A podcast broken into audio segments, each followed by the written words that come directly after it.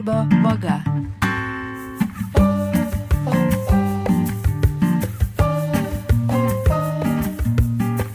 Sveiki, malonus klausytojai. Su jumis sveikinasi tinklalaidė Gero pokalbio vaga ir aš, jos vedėja Laura Kešytė. Su manimi draugė studijoje yra pašnekovas, režisierius, rašytojas, dainų autorius Vytautas Velandsbergis. Sveiki, Vytautai. Sveiki, gyvi. Pasikviesti jūs šiam pokalbiui mane įkvėpė knyga.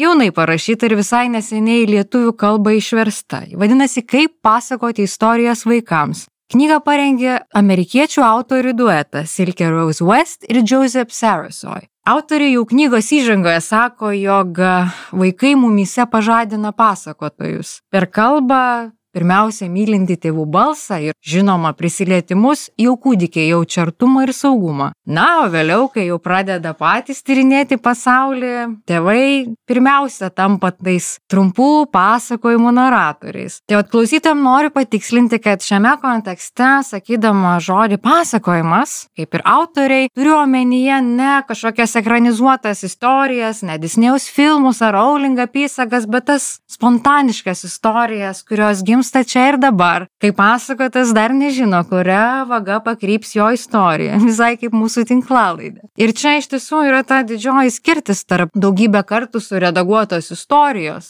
ar į muzikos pavyzdžių nuglūdinto ar suprodusuoto dainos įrašo, kad ta istorija kaip nu, džiazo improvizacija, jinai vyksta čia ir dabar. Tik na gal kitaip nei džiazmenų atveju istorijas pasakojantiems tėvams visai nebūtina būti profesionalams, ar jeigu norite Hollywoodo scenaristams, jie istorijas vaikams gali pasakoti, imdami pavyzdžius iš savo šeimos kasdienybės ir perkeldami į alternatyvų vaizduotės pasaulį. Ir pasirodo, kad tai yra įmanoma ir netaip sunku, tik kai mes suaugę dažnai susikaustame. Tai va, tai mane labai sudomino šita mintis, tokie paprasti praktiniai patarimai paprastiems žmonėm apie paprastas istorijas. O dabar aš jūsų noriu paklausti, Vytautai, irgi ne kaip rašytojo, bet tėčio, sunaus, senelio, ar pasakodavote savo vaikams tokias istorijas, gal tai tradicija, kurią tęsėte bendraudami su anūkais ir ar pats augote pasakojimo apsuptyje?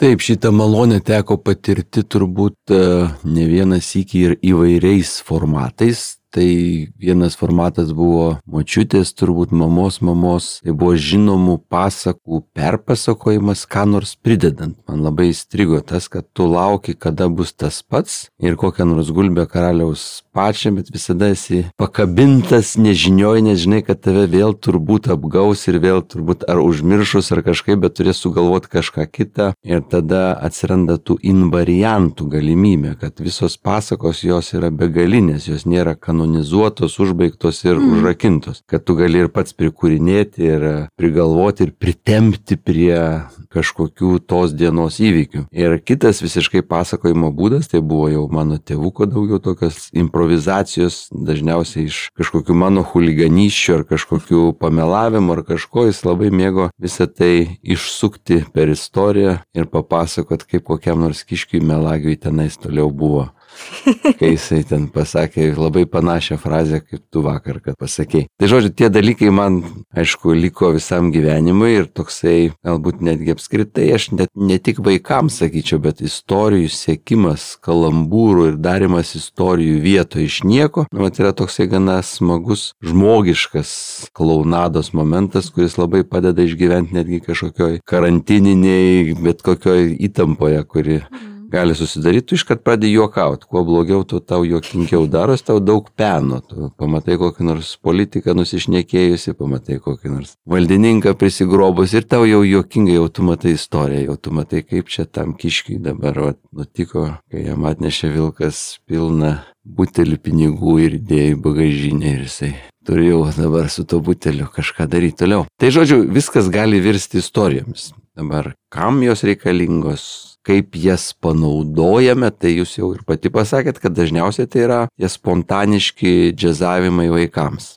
Visgi aš manau, kad tai yra esminė santykių formulė iki atsirandant šachmatų ir kažkokių kitų žaidimų intelektualesnių, bet nuo pat mažų, kai jau tu pradedi su vaiku bendrauti ir kartais netgi verta su juo pradėti bendrauti, kai jis dar net neatsakinėja, jau tas istorijas sekti, kad jis išmoktų klausytis, kad jam būtų įdomi pati ir melodija, ir kažkas teksto arba žodžių pasąmonė, kažkokie skambesiai, sąskambiai. Aš bent pastebiu, kad tada atsiranda ir ritmika, kai tu su vaiku kalbi, vis tiek yra kažkokia vidinė diktatūra to pasakojimo, tu negali pasakoti tokia labai būtiška kalba, atsiranda vis tiek užkalbėjimas, tu vaiką ramini, tu turi jį užliuliuoti, jisai turi būti užhipnotizuotas ir tokia norom, nenorom, bet ritminė proza jinai iškart yra kišenėje. Ir Paskui aš jau rašydamas ir nuėjau tas knygas, pastebėjau, kad tas man na, labai labai patiko. Ritminis kalbėjimas. Nežinau, ką atsakyti į klausimą, kaip čia e, kitiems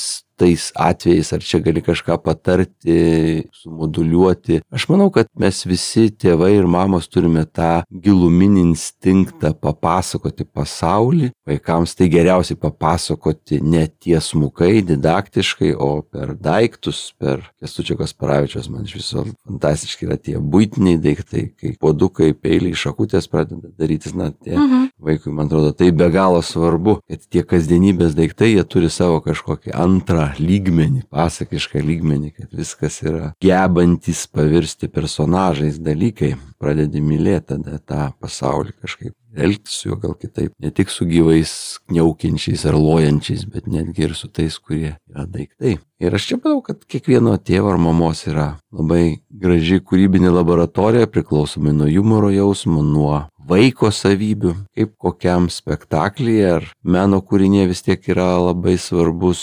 užsakovas, kam tu pasakoji. Mhm. Ir man pasisekė turėti vaikus, kurie supranta juodą humorą Ir aš su jais kalbėdavau, šiek tiek galvojau, ar tikrai visi vaikai supras tai, ar jiems tai bus artima ir suvokiama, ar jų neišgazdins. Bet pasirodė, kad įkirto rudnosiuką ir kitų vaikų nemažai, gal net tėvų daugiau. Čia gal nepataikiau į adresatą ir į auditoriją visiškai. Kažkada mes netgi buvom, man atrodo, netgi vagos leidikla kažkada, kai buvo Rudnusiuką išleidus, buvo dariusi tokią apklausą na, skaitytojų, kas skaito kokias knygas populiarias. Tai Rudnusiukas į jaunas šeimas, tėvus ir į studentus nulaviravo iš vaikų literatūros. Tai žodžiu, kartais tos istorijos gali pasidaryti, man atrodo, ir universalesnės ne tik vaikams skirtos. Galima žaisti ir keliais lygmenimis, keliems vartotojams skaitytojams. Dabar galvoju apie, apie, apie kitą klausimą, tokio į, į dvi kryptis. Galiu pasirinkti, keliauti.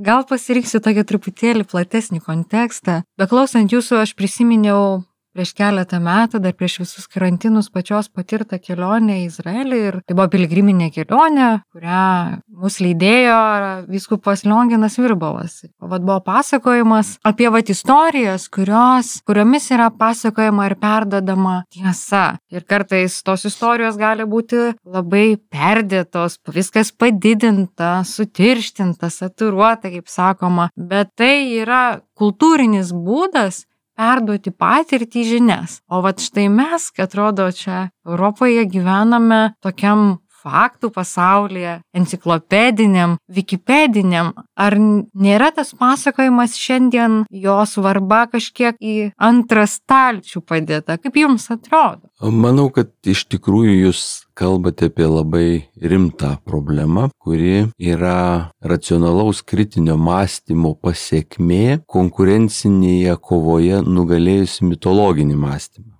kad mhm. na, tu nenori būti durnas, tu nenori šnekėti nesąmonių, tu nenori nusišnekėti, nori, kad viskas būtų rimtai pagrista, kad tu galėtum atversti knygą ir pasakyti, va, iš čia aš tą informaciją pasiskolinau, aš tikrai galiu pagrysti kiekvieną savo žodį. A, mitologinis galvojimas yra nežinios erdvė turi gaireles, tu turi kažkokius kertinius mitinius nutikimus nuo pasaulio sukūrimo ir juos priklausomai nuo esamų aplinkybių naujųjų interpretuoji, perrašai tokie Biblijos interpretacijos, taip mhm. sakant. Tai kiekviena tauta, man atrodo, turi savo kažkokią tokią šventraščių ar kodų bazę, kuri norom nenorom persikeldavo iš senelių lūpų į anūkų smegenis ir sielas. Ir pastaruoju metu aš suprantu, kad šitas dalykas yra be nutrūkstas, jisai trukinėja. Ir to nebelieka pasakojimo. Kokios priežastys to reiškinio, aš nežinau, bet turbūt, kad praradimas yra be galo didelis. Mm be galo didelis, nes tas fantazijos ir gebėjimo blūdit pasaulis, jisai labai dažnai padeda, na, išsisukti iš labai netikėtų situacijų, kai tu neturi enciklopedijos, kai tu neturi Wikipedijos ir netgi per egzaminą kartais pasisekdavo, atsimenu, pajungus fantaziją ir pradėjus improvizuoti, o gal pataikysiu netyčia ir paskui staiga atsiverti knygą, kurios nespėjai perskaityti per egzaminą ir pamatai, kad pataikiai. Mhm. Tai tavasi, tas spėjimas irgi yra informacija, fantazija irgi yra informacija. Tai yra be galo svarbus dalykas, ar tu gebi gyvenime remtis į tai, ko nepatyrei, nesužinojai, bet kas tau atrodo arba fantazuojas. Iš tikrųjų, čia gal vienareikšmio atsakymo ir nebūtų, kodėl mes ir kada tai praradome, galbūt čia apskritai yra šeimos santykių birėjimų pasiekmė ir persikėlimų į miestus ir visiškai kitokios gyvenimo sanklodos ir e, kitokio laiko, kuris skiriamas vaikams, nebebuvimas to senelių ir vaikų laiko. Mhm. Viskas yra darželiai, mokyklėlės. Yra, ir kartais netgi aš manau, kad yra ir modernių tėvų bėda, kad jie labiau pasitikė ne tom senoviškom kažkokiom, kurie gali pripūsti vaikui ir religinių ir kažkokių kitų dalykų. Tu nori, kad vaikas būtų samoningas, na, kalbėtų tai, kaip yra ir tuo pačiu susiaurinė jo. Aš tą, tą patiriu, kad to naujoje pedagogikoje yra na, faktų pasaulis ir jisai mm.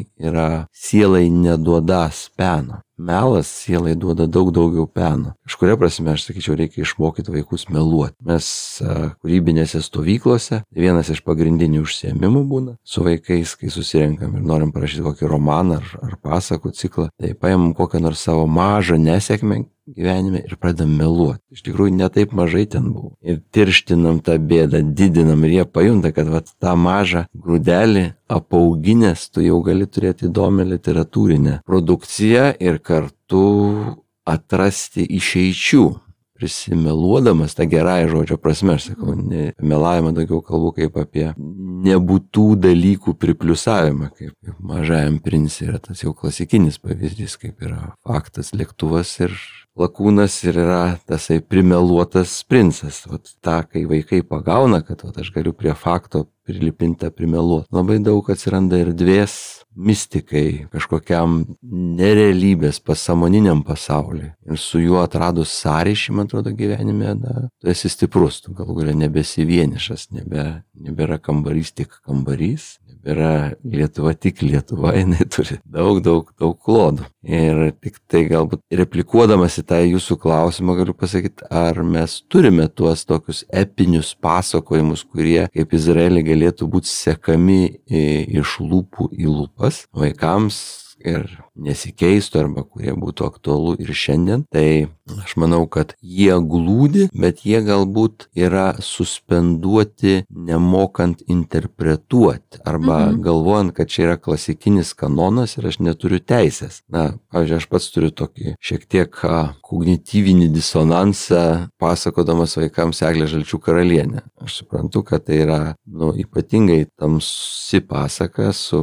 beviltišku finalu ir galbūt galbūt tam tikrais momentais mūsų bendruomenės raidoje tai buvo prasminga, išmušti visas iliuzijas, kad žmonija yra gera ir kad su ją galima atrasti gražiuosius santykius, nesitikėk nieko iš žmonių gero. Ir tas pranešimas jis turi prasme net ir dabar, bet aišku, savo vaikams aš vis tiek noriu palikti tą viltį, tą e, didžiojo sekmadienio idėją. Ir aš jau pastebėjau, kad natūraliai pasakodamas Eglė Žalčių karalienė aš vis tiek prigalvoju kažkokį makaroną pabaigoje, kurio Basanavičius Basanavičiaus ar Salomėjos nerės interpretacijoje nebuvo. Prasme, Basanavičiaus užrašytoje arba tas, kurios yra populiariausios pasakos. Tada pradėjai ieškoti, kas ten dar gali nutikti po tos tradicinės pabaigos, kai eglė pavirsta medžiais, tai medžiai ošia ir kas ten darosi ir kaip jie ten naktį susirenka su to žilvinu ir kaip jie galvoja, o kada mes vėl galėsim atvirsti. Ir na, tu vis tiek duodi toliau gyvenimą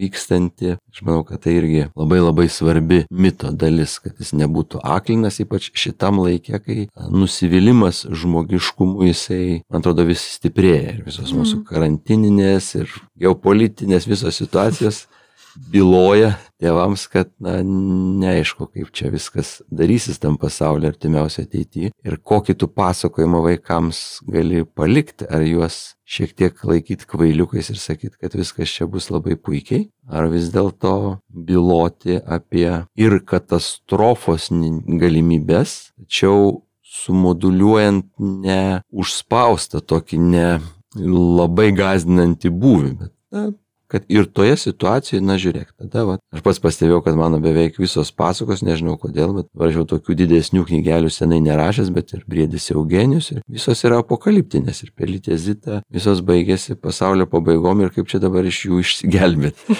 ir ką, ką čia surasti, kokius veikimo, kad netgi tai nėra aklina pabaiga, kad ir tame galima rasti veikimą čia jau turbūt tokios asmenės laboratorijos, kad tuos buvusius epus galima adaptuoti, pritaikyti prie šio laikinio wikipediško jaunimo psichikos. Aš skaičiau visai neseniai jūsų interviu su jūsų tėčiu, publikuotą viename tėvams skirtame portale, toks labai smagus ir jokingas ganėtinai interviu. Ir aš tokią citatą išsirašiau jūsų, jūsų paties, kad pavyzdžiui, arklys Dominikas yra skiriamas didesniems vaikams, tokiems, kurie jau nebijo piratų ir požymių, o netgi galvoja, kaip ten tuos pabaisas reikėtų nugalėti. Ir aš galvojau, o kokiems vaikams jau galime pristatyti tai, kad na, ne visada pabaiga yra tokia holivudinė, žinot, laiminga, vestuvėmis, galbūt yra kažkokių išeinančių gyjų iš, iš to, kas seka vėliau. Kaip jūs galvojate, jau koks tas amžius yra tinkamas įvesti ir sudėtingesnius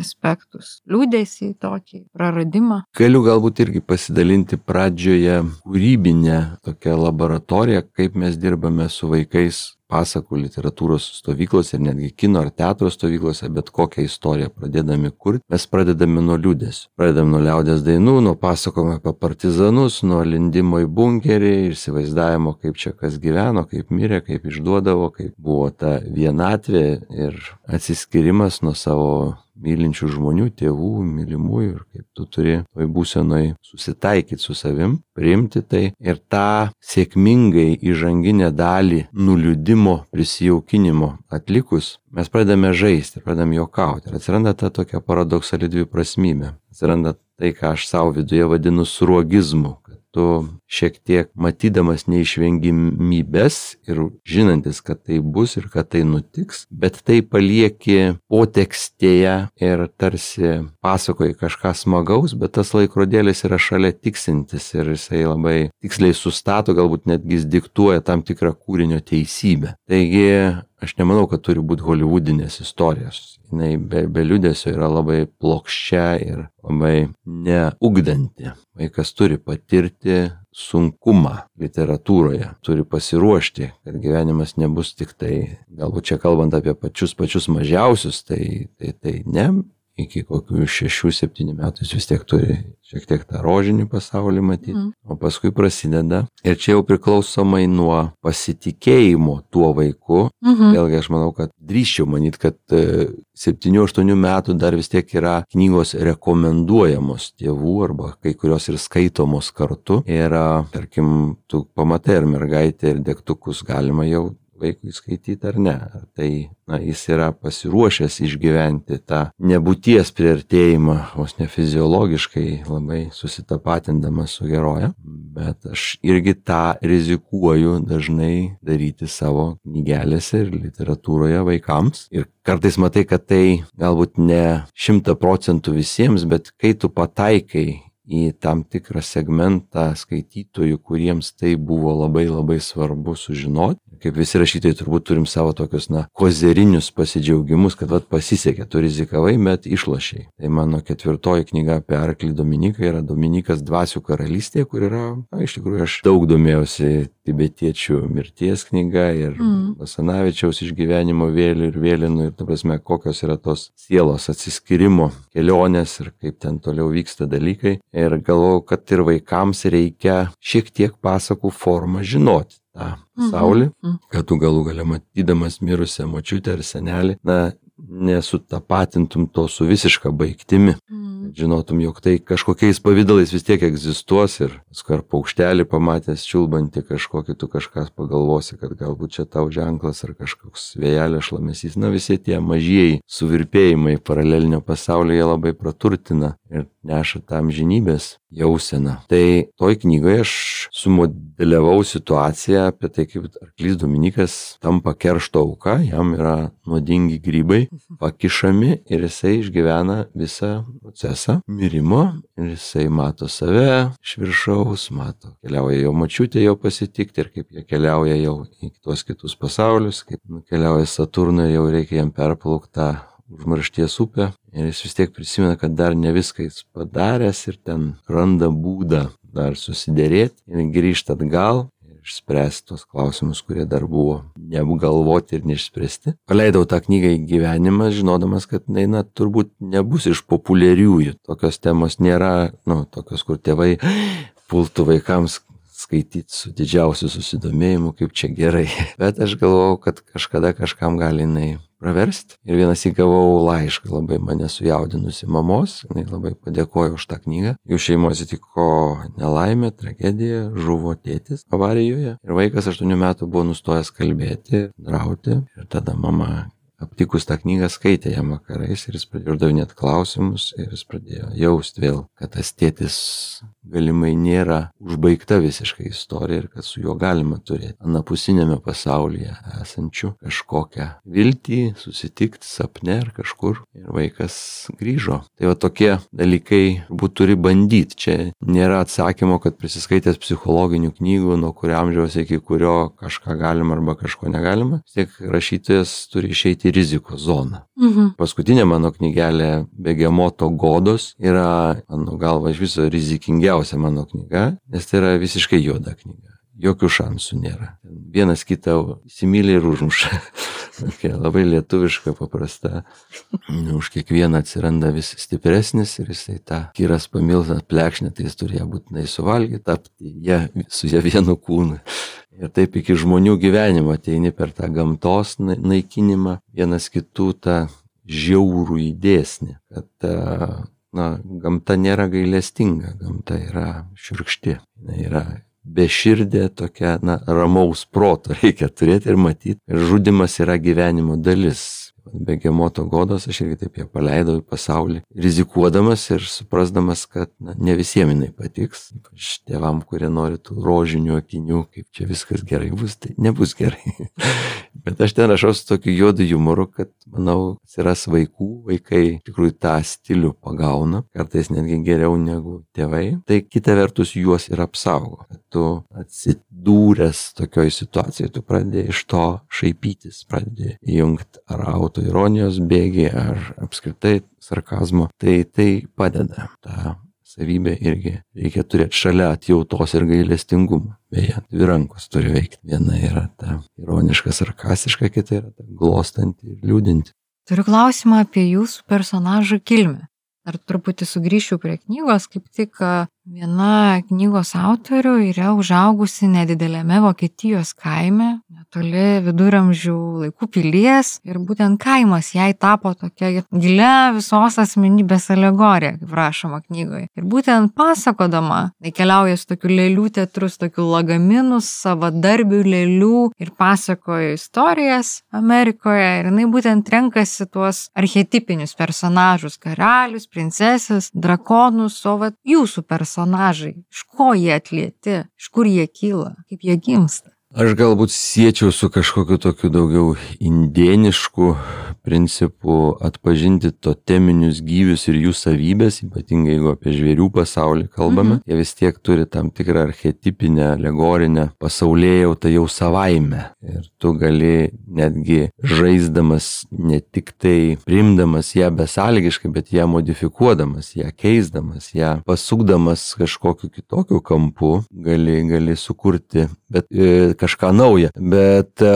pradėti susikalbėti su vaiku, vis tiek tu turi pasimti tą nu, tradicijos dalį. Vis tiek tą karalių arba karalaitę arba angelą arba galų galia net arklys Dominikas Baltas. Aš paskui jau galvojau, kodėl jis toks atsirado ir kažkaip man labai paprastai susivedė, kad tai yra gana esminis mūsų genties, mūsų bendruomenės toteminis gyvūnas, tai yra vytis, tai yra mūsų herbas, baltas, tai yra sielos, stiprios, karžygiškos sielos, bet kartu tokios jautrios, plevenančios, jau tarsi ne visiškai žemiškos, na, paradoksas. Ir tuo pradedi ir, ir žaisti kažkaip, jis jau pradeda diktuoti savo savybės, koks jis nori būti tas arklys ir kaip reikštis. Tai toks ir atsirado, jis, jis yra ir jautrus, ir pažeidžiamas, ir kažkiek kompleksuotas ir kartu labai stiprus ir globėjiškas ir na, galintis pakovoti už savo teisybę. Tai personažai atsiranda, net nežinau, galbūt aš grįžčiau prie vieno pirmųjų jūsų klausimų apie tai, kaip istorijas pradedi sekti savo vaikams. Mhm. Ir tu matai, koks personažas tarsi padovanotas kaip kažkoks amuletas ar apsaugos priemonė, tam vaikui būtų gerai, tam vaikui padėtų su tuo, jisai galėtų gyventi ir būtų jau jo dalis, jo mito Ypatingai mes su vaikais daugelį knygelių kūrėme kartu. Aš juos bandydavau įtraukti tą, perskaitau, nu ir kaip toliau. Ką dabar? Ta knygelė paskui yra ir skiriama tam vaikui. Pradėčiau nuo pradžių. Tai Rudnosiukas buvo Gabrieliui. Kai aš studijavau Gruzijoje, jisai buvo likęs Lietuvoje ir aš žinodavau, kokios jam nutinka visokios paaugliškos, vaikiškos problemos ir rašiau absurdo pasakas ir mes kikenom iš tų visų istorijų. Jisai, man atrodo, labai gerą humoro jausmą kaip apsaugą turi ir iki šiol. Ta prasme, tas jam padėjo žiūrėti gyvenimą kaip į tam tikrą absurdo teatrą tokį. Mhm. Tu užsigrūdini ir tu gali būti linksmas net kartais ir tokiuose liūdnose situacijose. Paskui atsirado Julija, kuri buvo labai labai pažeidžiamas, labai jautrus, hiper super jautrus vaikas. Ir aš supratau, kad, na, jai visų pirma reikia duoti tam tikrą, nežinau, dvasio, ezoterinį ar kažkokį kitokį pasaulį, tą tokį švelnesnį, subtilesnį. Ir tada pradėjom rašyti angelų pasakas ir mes su ją skaitydavom ir aš irgi iš pradžių tie angelai švelnus, švelnus, o paskui jau, kai jau prisijaukinam, jie irgi įgyja ironiškųjų savybių ir kažkokių paradoksalesnių, ne visiškai angeliškų, jie žmonės pradeda darytis panašus ir varasi tarpusavį ir kivirčiasi. Taip kad turbūt e, vis tik rašydamas kažkokią pasaką, aš labai prisirišu prie konkretaus vaiko ir jo problemų, jo pasaulio. Tai turėjau penkis vaikus, dabar turiu aštuonis anūkus, tai tausime man iš tikrųjų yra ką veikti. Pamatai, koks jisai yra ir kur jo tos aštriosios glūdintinos pusės Ar jisai gerai supranta humorą, ar juodą humorą supranta, ar jam reikia kažkokio švelnesnio pasakojimo, gal jis pats šiurkštesnis arba sarkastiškesnis ir jam reikia kaip tik kažkokios atjautos personažo, kuris yra pažeistas, kuris reikalauja gailėšio, kuris yra per daug vienišas. Ir tai ir taip dėliojasi turbūt. Niekad nerašau abstrakčiam skaitytojui. Mhm. Man yra labai svarbu įsivaizduoti konkretų vaiką ir netgi pasitikrinti su tuo konkrečiu vaiku, kaip veikia ar vyksta. Ta mažoji mistika, kad vis tik tai yra klausantysis, yra toks pats kuriejas, bendra kuriejas galbūt tu tik tai kažkokias fantazijos pažadinimo užuominas gali duoti, jau toliau jis turi savimi, neturi už jį viską supasakoti. Tai pasitikrinimo laboratorijos irgi yra įdomus dalykas, proceso dalis. Kiek, kiek jame pasižadina, jeigu jis pradeda žiovauti ir supranti, kad, na, jau nepataikiai, jau šiek tiek grįžti, arba įneš kažkokių drastiškų elementų, kad jam vėl pasidarytų įdomu klausyti. Ir turbūt, jeigu reikėtų kada nors rašyti kažkokią knygą ar paskaitą skaityti apie kūrybos metodus, tai aš nieko negalėčiau parašyti, nes aš nežinau. Sutinki vaiką ir tu sužinai, jisai tau pasako, jis tau padiktuoja, jis yra užsakovas. Tu esi keuras puodas, bet tuo metu į tą puodą pradeda bėgti kažkokie jausmai ir, ir raidėm išsiveržia per skilės ir paskui jis vėl tuščias, jis vėl nežino, kaip čia rašyti, nežinau. Turbūt tokią knygą turėtų rašyti mokslininkas, kuris vaikščioti paskui jūs kiekvieną dieną ir jūs tyrinėtų deskriptyviai. Dar kalbant apie metodikas, tai vienas iš tų metodų, ką aprašo knygoje autoriai, kai pasakoti istorijas vaikams, tai yra toks, nu, uždaro, uždaros kilpos metodas, kai paimi daiktą ar aplinkybę iš aplinkos vaikui pažįstamos. Pavyzdžiui, tai gali būti jo šaukštelis. Ir tą šaukštelį truputį po truputį įvedi į platesnį vaizduotės pasaulį. Galbūt tas šaukštelis sutinka kitus šaukštelius ir tampa kažkokio makro pasaulio dalimi. Ir vėliau tas šaukštelis atgal sugrįžta į stalčių, kurį kiekvieną rytą atsidaro vaikelis ir valgo, pavyzdžiui, varškės apkepą. Tai va tada tas daiktas tarsi įgyja daugiau prasmių arba, na, tampa kiek kitoks nei tiesiog šaukštas. Tai va tai man visai patiko tai, kad nereikia, kalbant dar apie tuos tėvus ir, ir, ir, ir nerašytojus, nescenaristus, kad nereikia daugybės knygų perskaityti, kaip kurti tos sudėtingus kompleksinius herojus, būtent, kad galėtum savo vaikams pasakoti paprastas istorijas, kurios jiems būtų artimos, nes vis dėlto, jeigu mes kalbame apie tą šeimos istorijos naratyvą, kad daug svarbiau yra ne pats siužetas šiuo atveju, o taip autoriai sako, o santykis, kuris gimsta tarp vaiko ir tėvo. Ir aš čia tokią noriu padaryti linkį ir pereiti nuo vaiko, vaiko prie jūsų kaip pasakotojo. Knygoje irgi nemažai autoriai kalba, aš gal netgi vieną galėčiau citatą paskaityti. Tai vad vienas iš autorių dalinasi. Mėgstu idėjų semtis iš aplinkos, į savo pasakojimus įtraukiu medžius ir pelkes. Ir kai tai darau, kai iš tikrųjų įsiklausau, atrodo, kad mano lūpomis kalba pati žemė. Pasakojimai gimsta savaime, man tai reikia stebėti. Žodžiai, kuriuos tariu, tik apibūdina tai, ką matau arba norėčiau matyti. Taip, buvau istorijos pasakotojas, bet jos įvykis sekiau kaip ir visi aplinkiniai. Kiekvienas iš mūsų matė skirtingus dalykus, bet visi kartu klausėmės vieno pasakojimo. Įvykiai rutuliojasi mumise, buvau tik tas, kuris kalba. Mes iki šiol kalbėjomės apie įvairią, nežinau, ar žodis nauda tinka toks pragmatinis žodis, bet apie įvairias, sakykime, naudas, kurias pasakojimas suteikia vaikams, kuo jisai naudingas vaikų auklėjimui, o ką pasakotojas duoda pasakotojui, jums kaip autoriui, tos knygelės, na ir tie pasakojimai, tie personažai, ką atneša jūsų gyvenimą.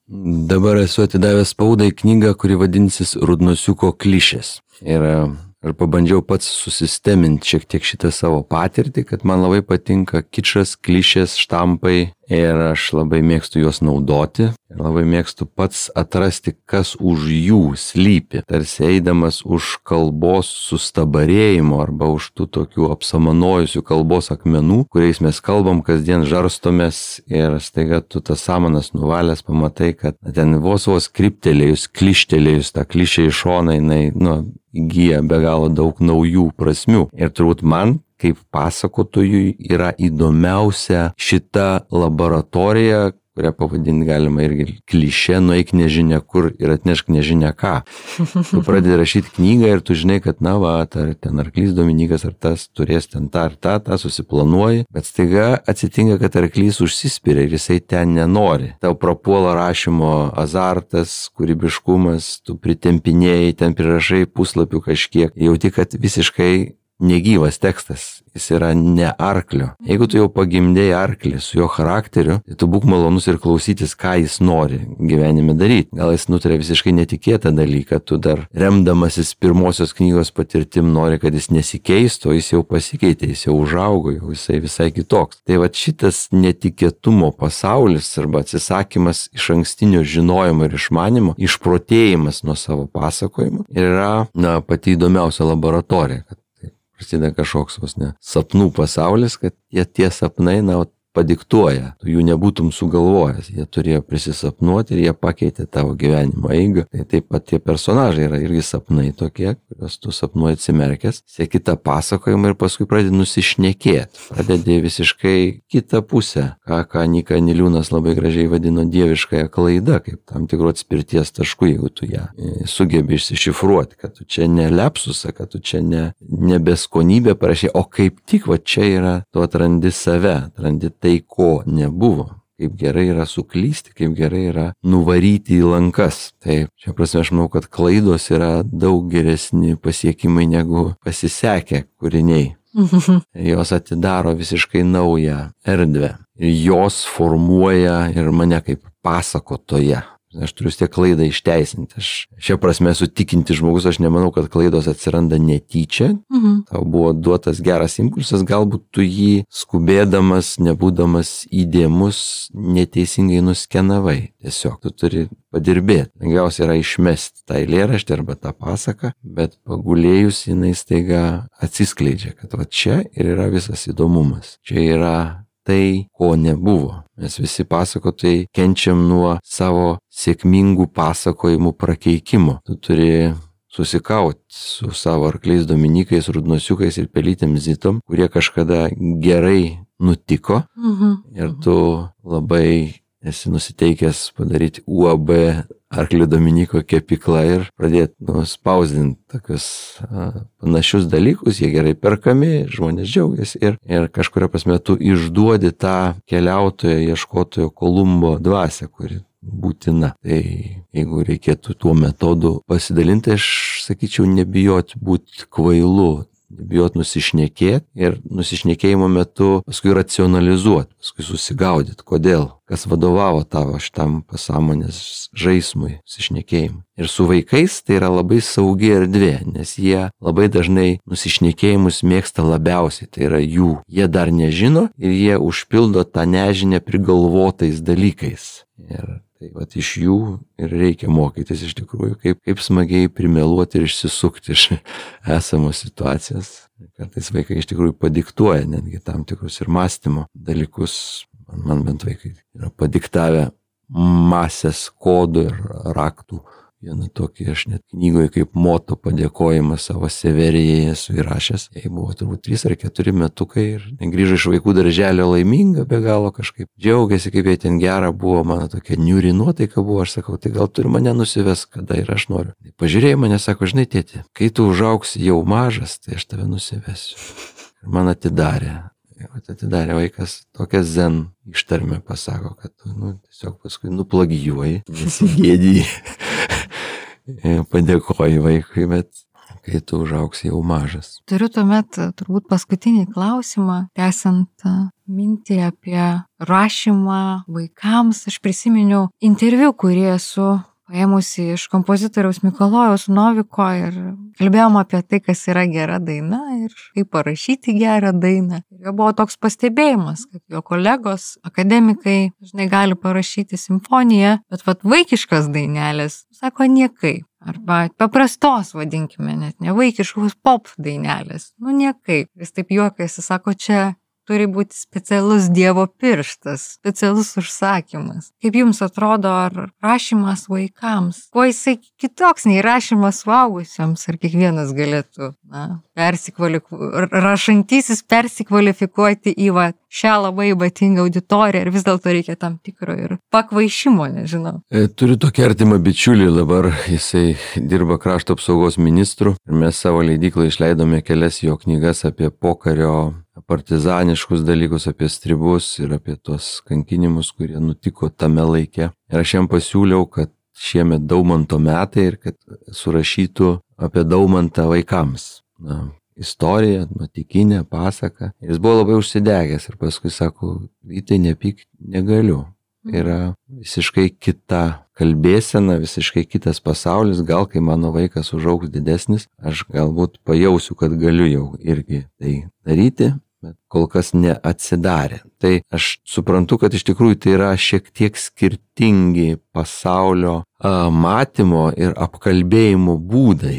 Ir tas vaikiškos literatūros pasaulis jisai naivesnis turbūt būtų ne tas žodis, bet mm. jisai verčia gebėti supaprastinti dalykus gerąją to žodžio prasme. Mhm. Kaip tautosakai, kaip liaudės dainoj, kai pasakoma, atrodo labai paprasti dalykai, visiškai aiškus, visiškai nekomplikuoti, bet jie atidaro tam tikrą jausmų skrinelę. Nu, tai jie, jie pažadina tuo paprastumu. Jie neina į protą, į analizę, jie eina eina į, turbūt e, teisingai parinkote palyginimą su daina, jie eina kaip daina. Jie eina į visiškai kitą emocinio intelekto porūšį ir tenais pradeda veikti. Kažkada netgi svarstydamas čia mes su visokiais švietimų ministrais buvusiais ir ministrėmis vis dalyvaudavom diskusijose, kaip čia tą pilietinį ar dorinį ūkdymą organizuoti, kokiu reikia knygų ar kažko, aš sakau, dainų reikia. Pirmiausia, pirmiausia, tiem vaikam reikia dainų ir kad Mamontovai, Mikutavičiai pradėtų rašyti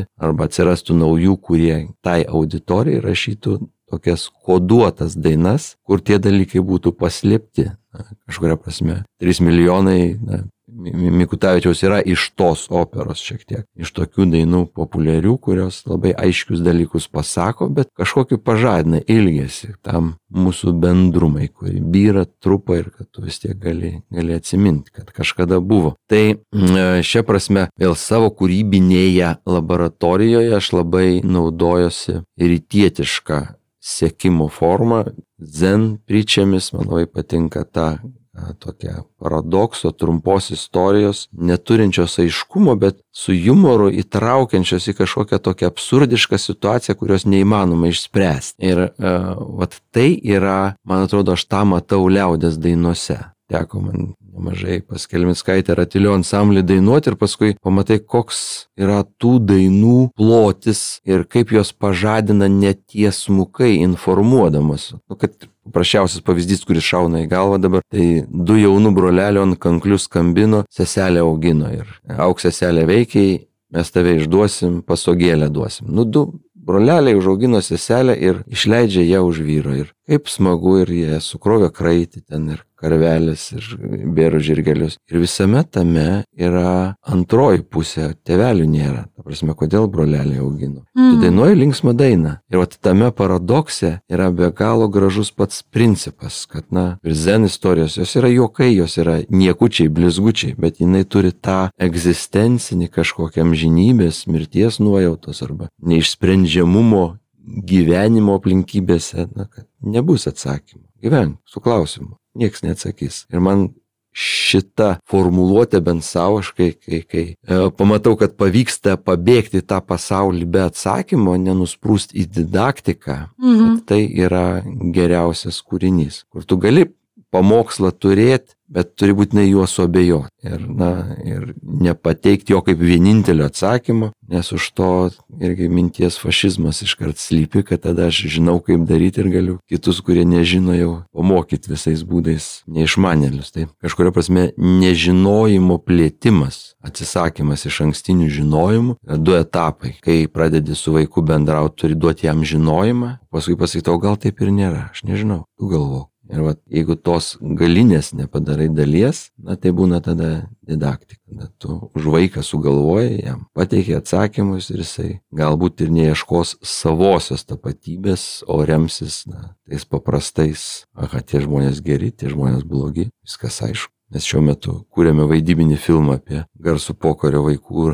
rašytojo poetą, kuris sudalyvavo labai didelėse ir negražiose išdavystėse partizanų, mhm. bet neprarado kokybės rašydamas vaikišką poeziją. Tas paradoksas na, išdaviko žudiko ir rašančio nuostabius eilėraščius vaikams, va, jis palieka be žado, be klausimo ir suaugus ir vaiką, o čia yra ta daina, kuri gali tave nustebinti ir tu nežinai kur dėtis. Yra Tai yra gera būsena. Tai vaikų literatūra, aš sakyčiau, čia yra takoskira tarp vaikų ir paauglių literatūros. Vaikų literatūrai tu turi žinot, kur dėtis, daugiau mažiau, sužinot, ką daryti su tuo, kai nutinka, o jau paauglių literatūrai turi nebežinoti. O suaugusių? suaugusių literatūrai, čia vėl suaugai yra kelių rūšių. Jeigu taip galima pasakyti grubiai ir vieniems reikia gyvenimą su atsakymais, kad kažkas jiems sukramtytų maistą ir padėtų ant stalo jau tokį suvirškintą. Nedaug reikėtų kramtyti. Kitiems patinka sudėtingesni. Turi nuspręsti, su kuo tu bendrauji. Aš galbūt manau, kad suaugę irgi yra užaugę vaikai ir kartais jie tą nežinojimo pasaulį užmiršta, jiems reikia priminti.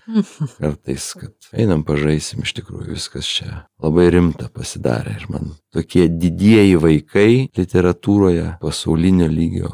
Selingeris kaip Jonas Mekas, nežinau, man jie yra artimiausi. Neužmiršo būti mažais. Iš tos žaidžiančiojo perspektyvos matosi išmintis didelė. Kai tu jau viską žinai ir sukonstruoji, tai prasideda matematika. Ačiū labai Jums už pokalbį ir už kelionę gero pokalbio vaga. Dėkui ir Jums.